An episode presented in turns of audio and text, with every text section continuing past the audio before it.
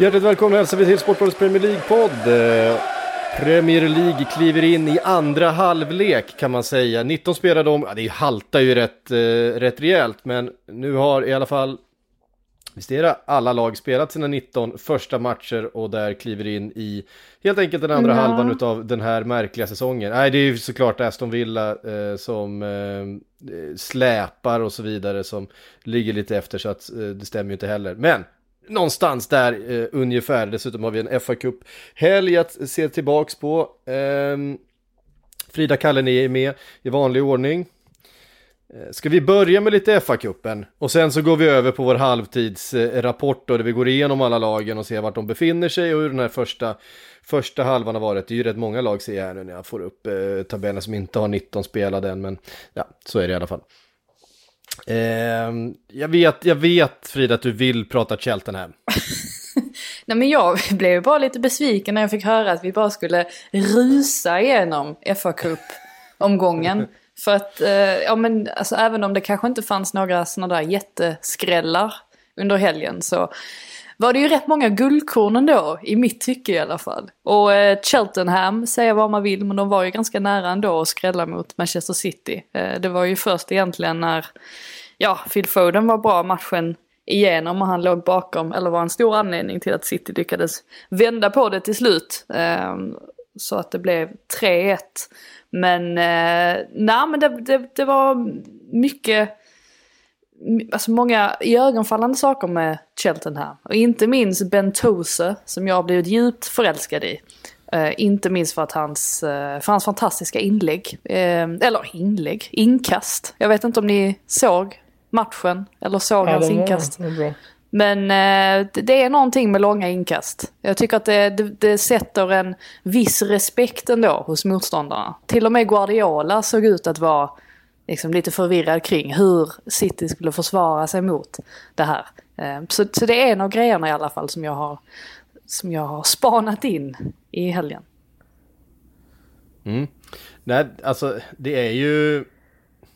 Man är lite kluven ändå till de här eh, fa Cup-helgerna eh, för att när det blir skrällar, när det händer grejer så blir det ju alltid roligt eh, och det är spännande. Men det känns som att det är mer och mer sällan Eh, och att de lägre divisionerna, de har liksom inget att hämta ens mot Premier League-lagens reservlag i eh, någon speciellt hög utsträckning och, och eh, det var väl inget, inget jätteuppseendeväckande i, eh, i helgen heller. Southampton slog Arsenal, det var ju inte speciellt, eh, det hade man ju kunnat se på förhand så att säga, även om Arsenal har haft eh, hyfsad form senaste tiden. Ja, det var ju en liten speciell startelva där också som Arteta ställde ut och har fått kritik för. Att eh, Chris Sutton kallade honom för, ja, men var, han kallade inte honom för en kalanka tränare men att Arteta såg på FA-cupen som en kalanka cup eh, och menade då på att, ja, det var disrespectful.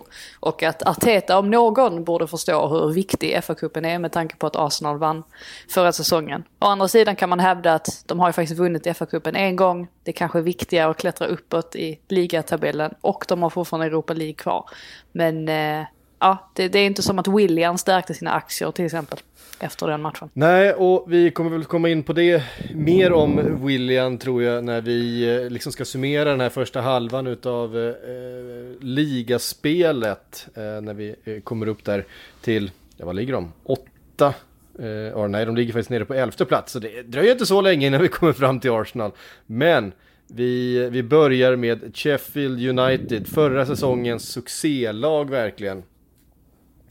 Eh, som fick så mycket uppmärksamhet för sitt, eh, sin speciella teknik, sina överlappande mittbackar och så vidare. Och den här säsongen så har det bara inte funkat. Kalle, är de sönderlästa?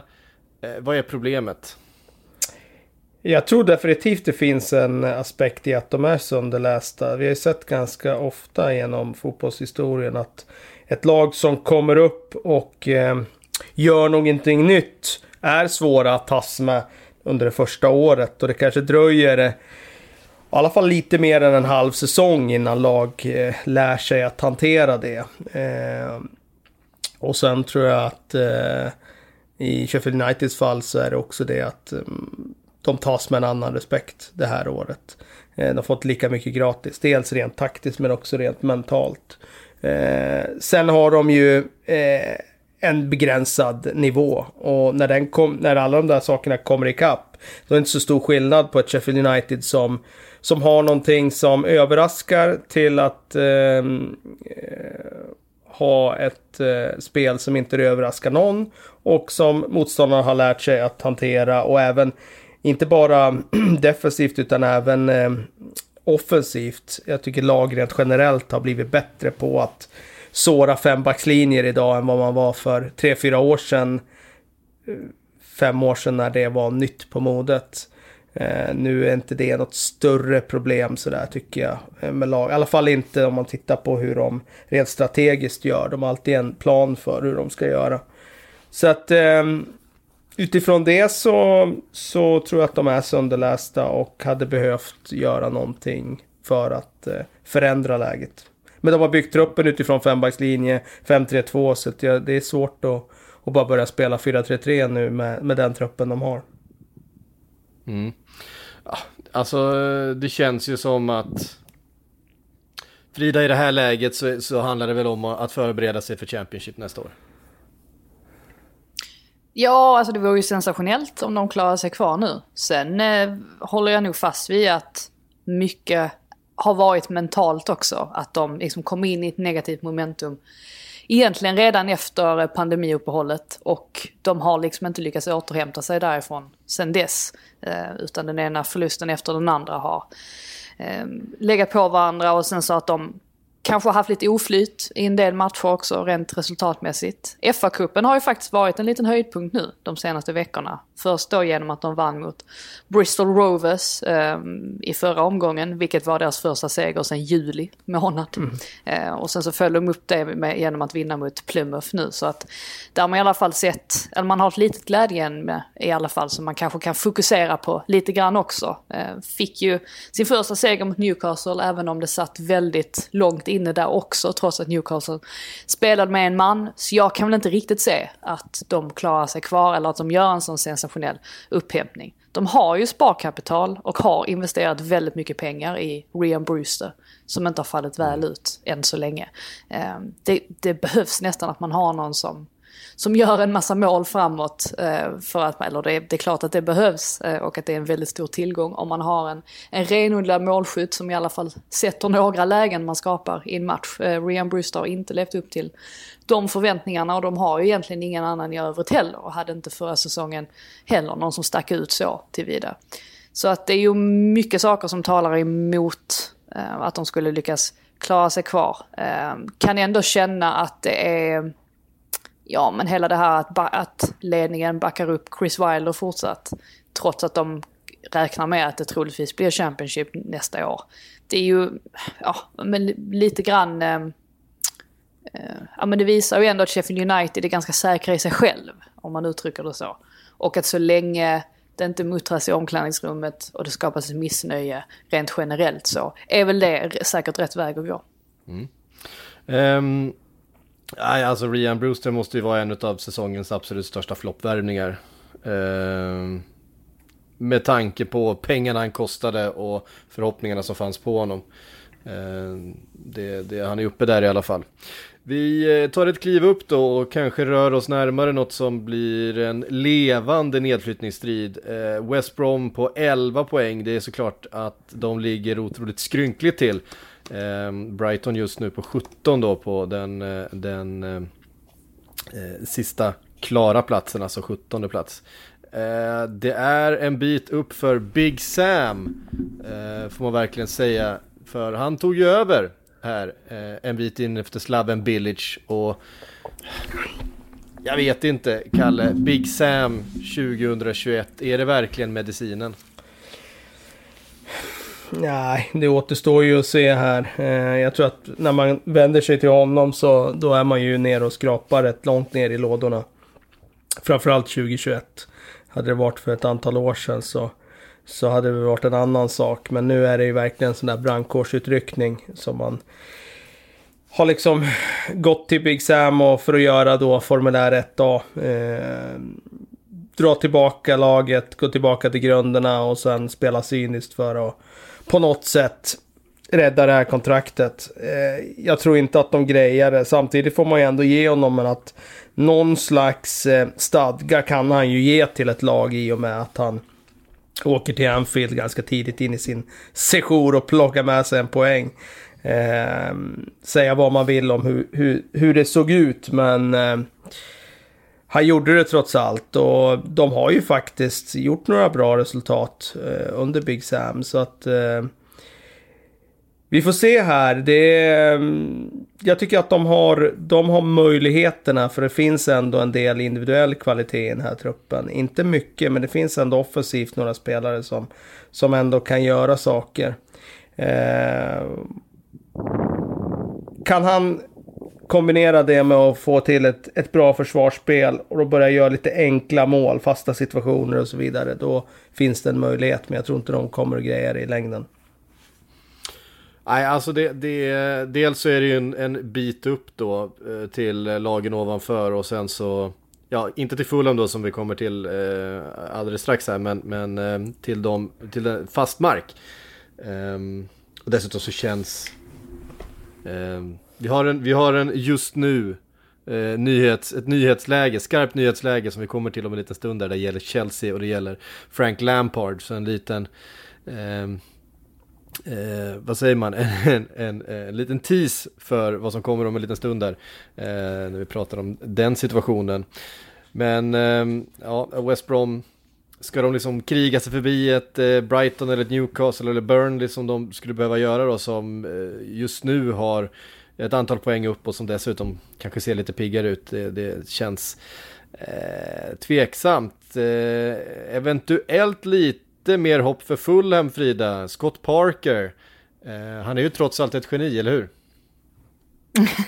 ja, jag åkte ju på en förlust här, tung förlust i FA-cupen mot Burnley med 0-3 ja, siffrorna drog väl iväg lite grann och Scott Parker gjorde ju en hel del förändringar så att eh, de kanske ursäktade där. Eh, om man ser till matchen dessförinnan mot Manchester United så gör de ju återigen en sån där fullgod insats mot helt, e- en helt enkelt bättre motståndare. Eh, har ju problem i avslutsfasen, precis som många andra lag har där nere i botten. Jag tycker framförallt att Ivan Cavaliero fortsätter vara en sån där spelare som har en tendens att inte riktigt eh, få till avslutsmomentet. Ehm, men i övrigt så tror jag väl ändå att den här approachen som Fulham har anammat nu de senaste månaderna, att den kommer vara mer effektiv än många andra typer av spelsätt. Exempelvis att backa hemåt med allt man har och hoppas på det bästa. För att Fulham kan verkligen såra sina motståndare.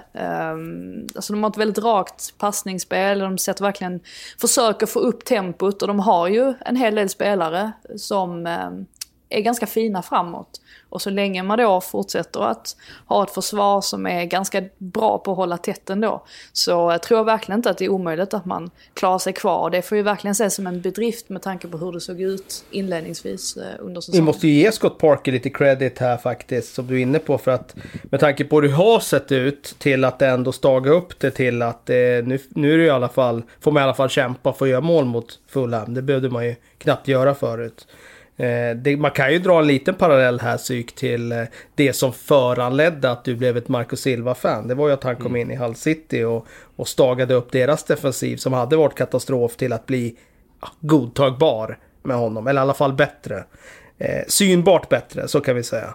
Mm. Eh, jag eh, är också positiv till Fulhams eh, trend just nu. De har gett sig själva chansen sätter ett frågetecken kring eh, Ariola. Hur bra är han egentligen? Eh... Oh, men han har väl varit, eh, varit... Alltså jag förstår vad du menar för att det kanske har varit vissa vissa ingripanden som han borde ha gjort bättre. Men totalt sett tycker jag att han har varit helt fantastisk. Ja, okej. Har ju varit, var, blev ju matchvinnare, eller var ju matchens mest värdefulla spelare mot Spurs exempelvis. Ehm, är ju en sån målvakt som kan göra de här extremt viktiga räddningarna. Så även om jag, jag, jag tror jag vet vad, du syftar på, alltså vad för typ av ingripande som har blivit kostsamma, så tror jag att totalt sett om man slår ut det så, ehm, alltså, så är han jätteviktig för Fulham och ser det som en bra värvning. Mm. Ja, nej, alltså, att han håller hög nivå. Alltså, han, kommer ju, han har ju en historik som innebär att han är på en hög nivå. Det, det som är oroväckande för mig det är att han har gjort de här plunderserna. Och man har inte riktigt råd med det om man nu ska eh, liksom lösa den här krisen. Då behöver man ha en målvakt som man vet vad man har. Men jag håller med om att när han är bra så visar han ju den nivån som har gjort att han har, har varit på den nivån där han har varit. Eh, så att, ja, det är väl bara att hoppas att han kan tvätta bort de här eh, Rembrandts han har gjort här under säsongen. Jag tycker också han har varit, varit fin. En av dem. Han har ju också fått väldigt mycket... Fulham försvarade så, så, sig så fruktansvärt svagt i, i början av säsongen att han eh, hade det ju inte så lätt, om man säger så. Han fick ju Nej, det oerhört... får, det, det, Jag- det, det får jag i och för sig konstatera att det är inte så lätt att, att spela som målvakt bakom det försvaret de hade inledningsvis. Så är det ju. Nej. Nej. Sen, sen har ju för sig några av de svaga ingripandena kommit nu, ganska nyligen, efter att de har stagat upp försvaret. Men eh, som sagt, jag tycker ändå att det, det syns ganska tydligt att han håller en mycket högre nivå än många av de andra målvakterna i Premier League. Ehm, Fulham kanske då det laget utav de som ligger på nedflyttningsplats just nu som eh, vi ser med bäst chans att eh, kunna utmana ändå om någon av de eh, platserna högre upp. På 17 plats just nu då Brighton. Ehm, fem poäng före Fulham. Eh, har på eh, problem med målskyttet. Mopé är eh, som Mopé är och eh, ja, vem ska göra målen för dem? Och räcker det?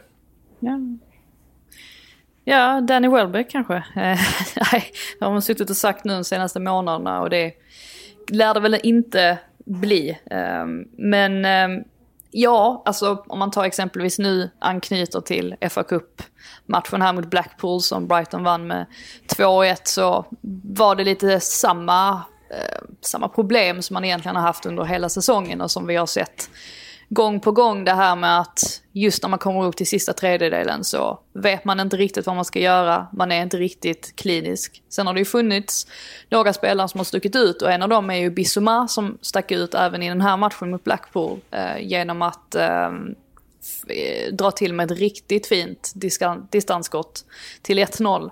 Och eh, han är ju en spelare som många klubbar kikar på och det är väl inte särskilt märkligt eh, med tanke på den säsongen han har haft. Och eh, det är väl antagligen därför Brighton också kollar på att ta in en sån som Caicedo som en möjlig ersättare, eh, alltså långsiktigt eh, sett. Det som kanske har varit mest, alltså i mitt tycke som har varit eh, en liten besvikelse också med, med Brighton. Det är ju det här att den här trebackslinjen som vi pratade så mycket om eh, inför säsongen, att den kanske har wobblat lite. Och där eh, har det väl dels att göra med att White till exempel har tvingats flytta upp, alltså på centralt mittfält, vilket han gör väldigt bra. Eh, på grund av då att Adam Lallana har fortsatt eh, mycket problem med skador.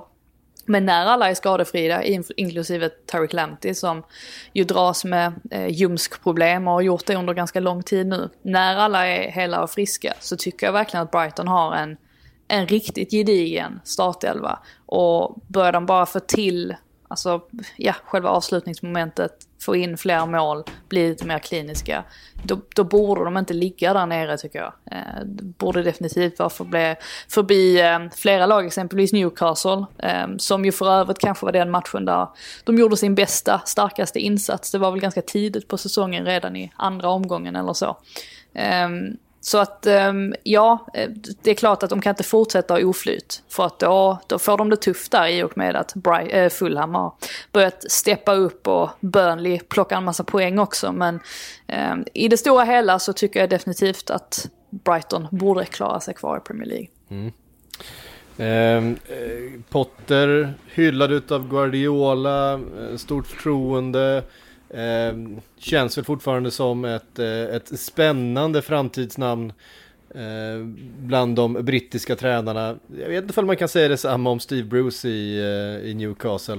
Där, eh, ja, det ser, det ser trögt ut, Kalle, Newcastle just nu. Och Steve Bruce och hela det här projektet, jag vet inte. Eh, man ser liksom inte fram emot att kolla Newcastle på kvällarna. Nej, det gör man inte. Möjligen får se deras motståndare.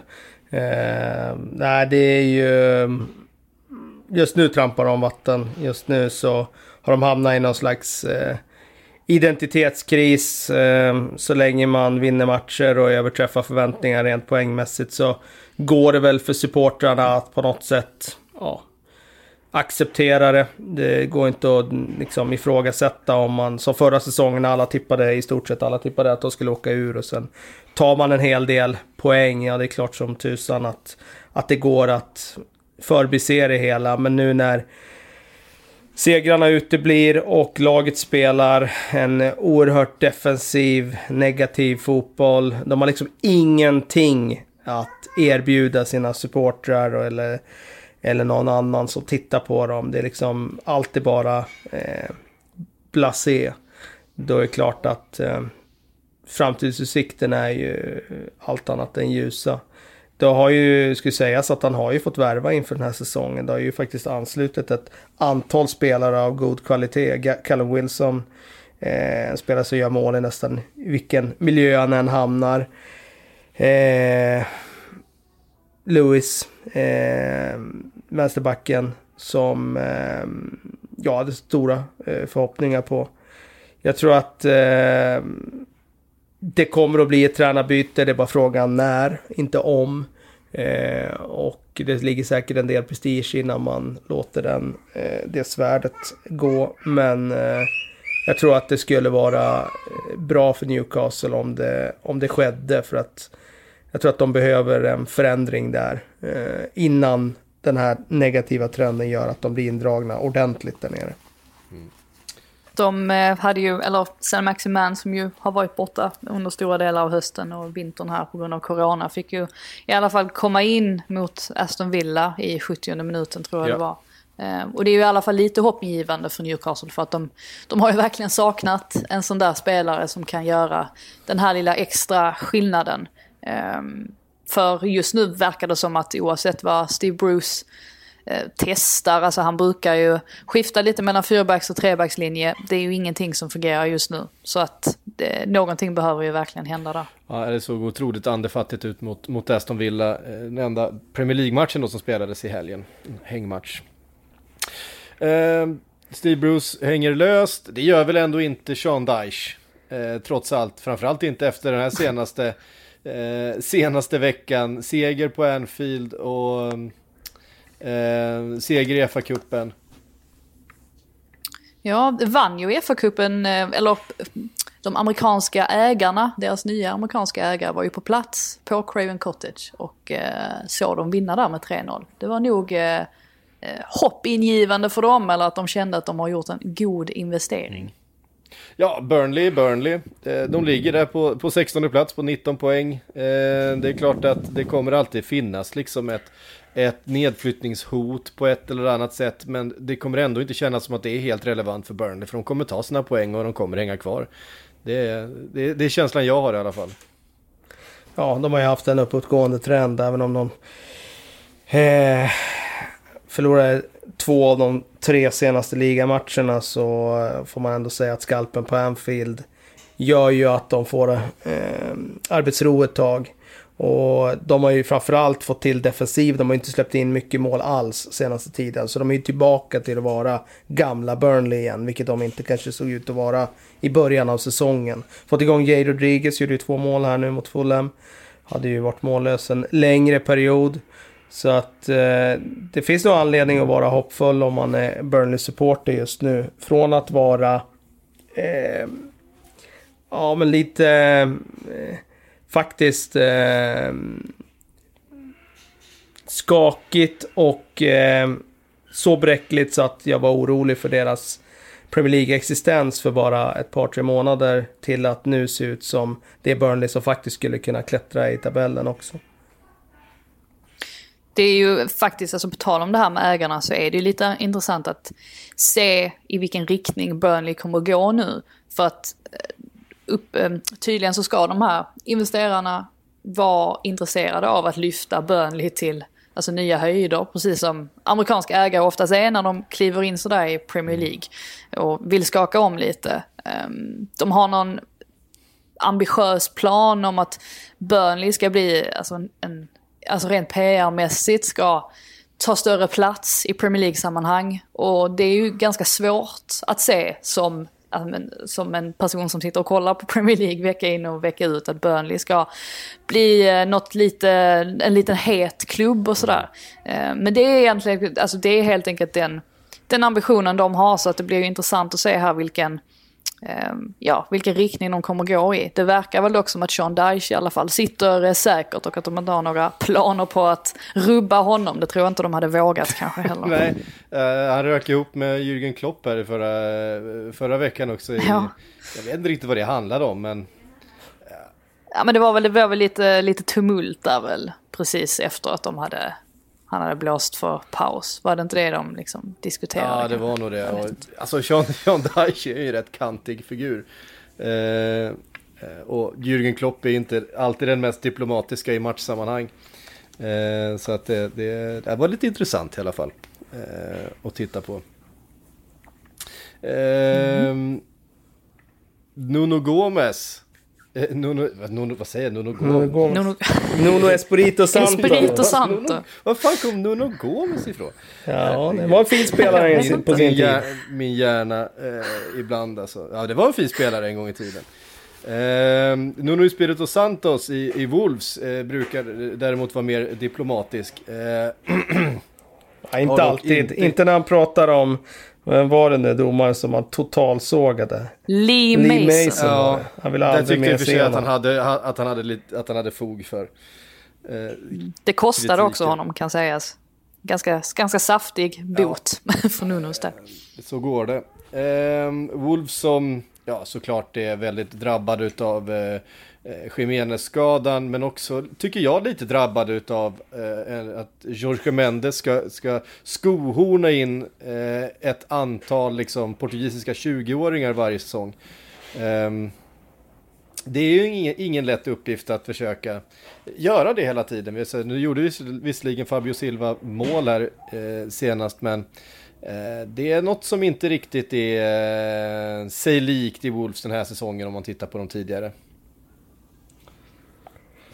Nej det är det inte och jag tror att det är naturligt också med tanke på som vi pratade inför säsongen där att de har gjort stabila säsonger, de har nosat på topp 4 till och med. Eh, nu skulle de ta nästa kliv. De har ju varit ett väldigt eh, reaktivt lag. Eh, de har varit defensiva. De har neutraliserat motståndare på ett effektivt sätt. Nu skulle de bli mer spelförande. Och det är en svår eh, övergång. Eh, det finns risk att man Ibland kan man se bra ut men man gör inte resultat, typ Brighton. Eh, ibland kan det vara svårt att till och med se bra ut. Eh, eh, det blir bara eh, att man håller boll i ofarliga ytor och skapar mindre och eh, släpper till mer för form av omställningar.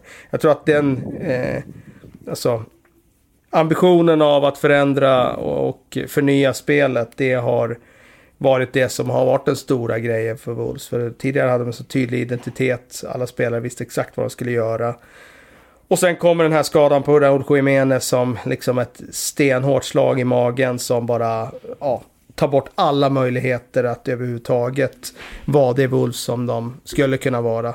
Det var ju en spelare, den spelare som inte fick gå sönder. Dels var han deras enda centerforward som höll något sånär klass och dels var han ju en centerforward som klarade av att göra precis allting i spelet. Så att deras eh, fotboll byggde väldigt mycket på att han var duktig på att ta emot, länka samman, hota i boxen, allt det där. Och ta bort den spelaren, ersätt honom med en ung 20-åring som du säger, han är till och med bara 18, Fabio Silva, som inte är i närheten av att vara redo för att bära anfallslinjen.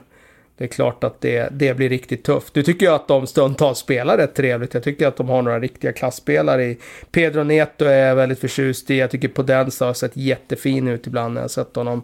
Det är ju rena klassspelare eh, eh, som skulle kunna spela i klubbar högre upp. Eh, men de har ingen centerforward och det understryker också den där vikten av att ha en forward. Den är helt otroligt eh, fundamental i fotboll.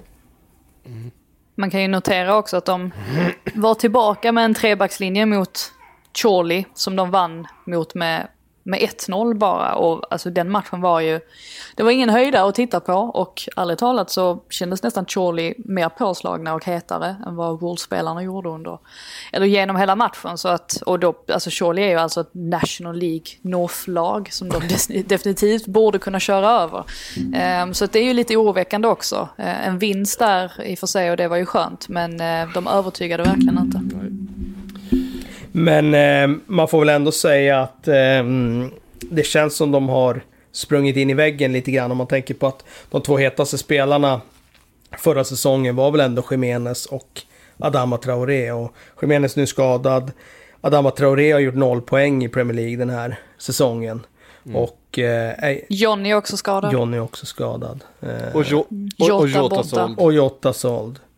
Eh, så att de... Eh, ja, de har eh, de har lite ombyggnad att, att göra om de ska upp och bråka igen där uppe. Och nu får de ju in en forward här i William José som eh, ansluter från Real Sociedad. Och eh, vi får se. Det är, en, det är en riktigt bra forward. Har ju liknande egenskaper som Jiménez i att han är duktig och eh, länka samman spelet. Så att eh, rimligen borde de i alla fall få in en forward som kan göra att eh, de ser någorlunda ut som de gjorde tidigare. Mm. Eh, om eh, Nuno är, är, mer diplomatisk än Daesh och Klopp så är väl eh, Hodgson ännu mer di diplomatisk i, i eh, Crystal Palace. Fina Roy. Den, the kindest man in football, eller vad var det han kallades? Nicest man in football. The, the nicest man in football. Eh, det är ingen som har något ont att, att, säga om Roy Hodgson, förutom en och annan bitter Liverpool-supporter kanske. Eh, men eh, Crystal Palace tuffar på liksom. Eh, tar sina poäng, 23 poäng nu, 13 plats. Ja. ja. Har väl inte imponerat sådär märkbart de senaste veckorna och Roy har väl faktiskt varit under ganska hård press ändå. Visst, man kan inte göra någonting mot Manchester, eh, Manchester City eh, när de är i den formen de är just nu. Där förlorar de ju med 0-4 men det fanns ju andra insatser som inte har varit fullt lika godkända eh, och där de inte har varit i närheten egentligen. Och eh, ja, alltså dels är det väl klart att de de har inte en sån där jättebred trupp att förhålla sig till. Sitter ju också i en ganska prekär situation med tanke på att det är väldigt många spelare vars kontrakt löper ut i sommar. Och det ska bli oerhört intressant att se hur de hanterar den saken. Eh, för de har definitivt inte råd att släppa alla de spelarna och värva in nya. Eh, så, så god ekonomi eh, har man inte tillgång till. Det som har varit en, ehm, ja, en, en ljusglimt för supportrarna är väl ändå Esse i slutändan. Att det känns som att han har kommit in och visat goda tendenser när han väl har fått spela. Har väl kommit in lite mer i Roys sätt att eh, spela på också nu på sistone. Eh, det gäller ju trots allt att man har ett ganska stort defensivt ansvar. Eh, men Esse är ju en sån som kan kombinera väldigt fint ihop med Zaha ehm, och kan väl avlasta Zaha då på den här kreativa biten som eh, man annars förväntar sig att han ska stå för. Så att eh, ja, jag skulle säga att SE är utropstecknet i Crystal Palace. Man förlitar sig fortfarande väldigt mycket på Zaha. Eh, man har mycket, mycket att göra nu här under våren och sommaren för att försöka lösa det här och få till den här generationsväxlingen som väl egentligen skulle ha kommit för något år sedan. Ja, eh, som sagt den högsta medelåldern i, i ligan dessutom och många utgående kontrakt. Det, det, det blir ett ett jobb på transfermarknaden med en rätt liten budget i en väldigt svår coronatid ju. Eh, för Crystal Palace. Eh, där har de ett, ett tufft jobb framför sig. Eh, Leeds, eh, nykomlingen med eh, Bielsa i spetsen var ju den här säsongen såklart stora, det mest, mest spännande laget inför säsongen och se hur de skulle ta sig an den här uppgiften efter eh, en, en eh, spännande avslutning minst sagt i, i, i Championship. Har gjort det bra. Tolfte plats. Det är ju väldigt trångt här på mitten ska sägas. Det skiljer bara, det, det svänger rätt snabbt mellan omgångarna, vem, vilken placering man ligger på. Men 23 poäng, eh, godkänt. Får man väl ändå säga för, för det här Leeds. Ja, definitivt. Alltså jag vet att det fanns de som trodde att de skulle överraska ännu mer och vara uppe på övre halvan och så vidare. Nu är det ju andra lag i ligan som har tagit de rollerna. Jag tänker på West Ham, Aston Villa och så vidare som gjort att det kanske har varit svårt att slå sig in där uppe i och med att de har överpresterat. Men annars hade de ju varit där runt plats 10 i tabellen. Och eh, vi visste ju att de skulle komma in och sätta färg på den här ligan. Men eh, att de skulle göra det på det sättet som de gjorde i, i debutmatchen redan där mot Liverpool på Anfield. Det, det gick väl knappt att göra ett, ett klarare statement än vad Leeds gjorde med den insatsen. Det var ju verkligen ett eh, eh, bra reklam för deras typ av fotboll.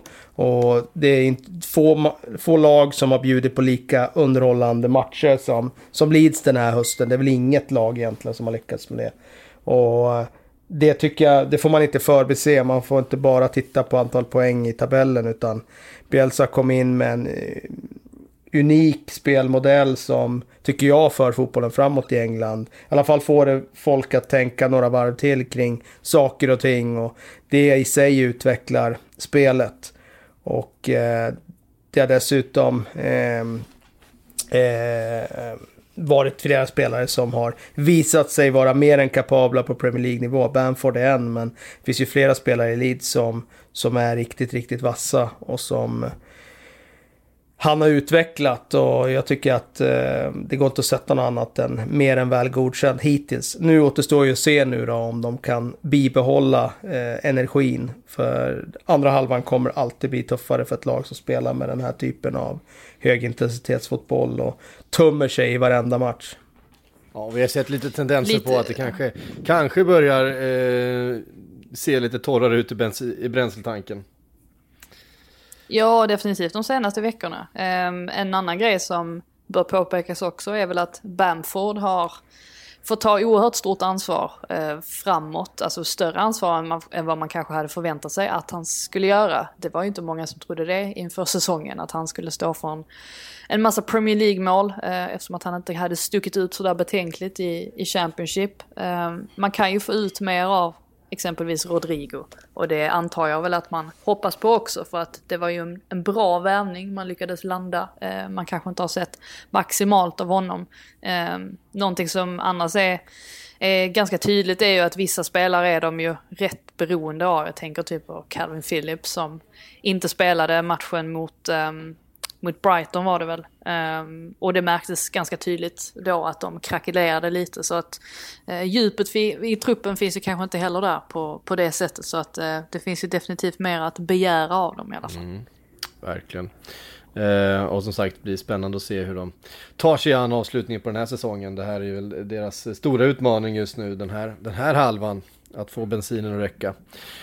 På elfte plats hittar vi Arsenal.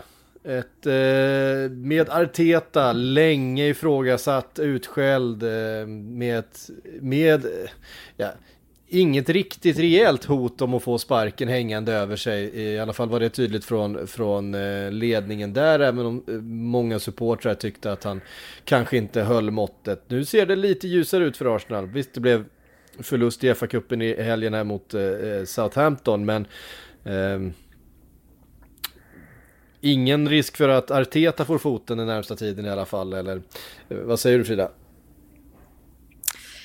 Nej, det, det, tycker jag väl inte. De har ju, precis som de säger, har ju verkligen kommit på banan igen. Det man kan konstatera är väl typ att Quarantini är oerhört viktig, uppenbarligen. Eh, inte minst eh, offensivt med tanke på att den här matchen, 0-0-matchen mot Crystal Palace när Teni vilades väl för att han hade en liten känning som man inte ville riskera skulle bli värre. Eh, då var det tydligt att Arsenal helt plötsligt saknade en hel kant i princip. Eh, det som också har räddat dem är ju ofrånkomligen de unga spelarna. Bukayo Saka, Emil Smith Rowe. Eh, det som är väldigt spännande nu är ju att se, det verkar ju som att eh, Martin Ödegård, att den värvningen kommer fullbordas nu under måndagen. Vilket eh, enligt mig är en fantastisk värvning att få in. Visst det är ett korttidslån, det verkar inte som att det finns någon option på köp eller sådär heller för att Real Madrid vill ha tillbaka honom efter säsongen. Men det behövdes avlastning på Emil Smith Rowe. Han kan inte ha, eh, och med avlastning menar jag inte att Martin Ödegård är en sämre fotbollsspelare än Emil Smith Rowe, men jag menar att man måste ha flera alternativ på den positionen. Det är ju väldigt uppenbart att William inte kan axla det ansvaret eh, alls. Han var ju fullständigt bedrövlig här mot Southampton i nummer 10-rollen när han fick chansen.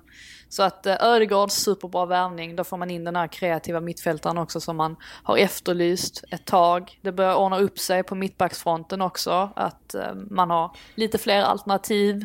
Ehm, känns väl, ja nu gjorde ju Gabriel självmål här, det var ju väldigt olyckligt. Men man har ändå x antal alternativ som eh, känns ganska stabila ändå i Marie och Rob Holding och Gabriel då inte minst.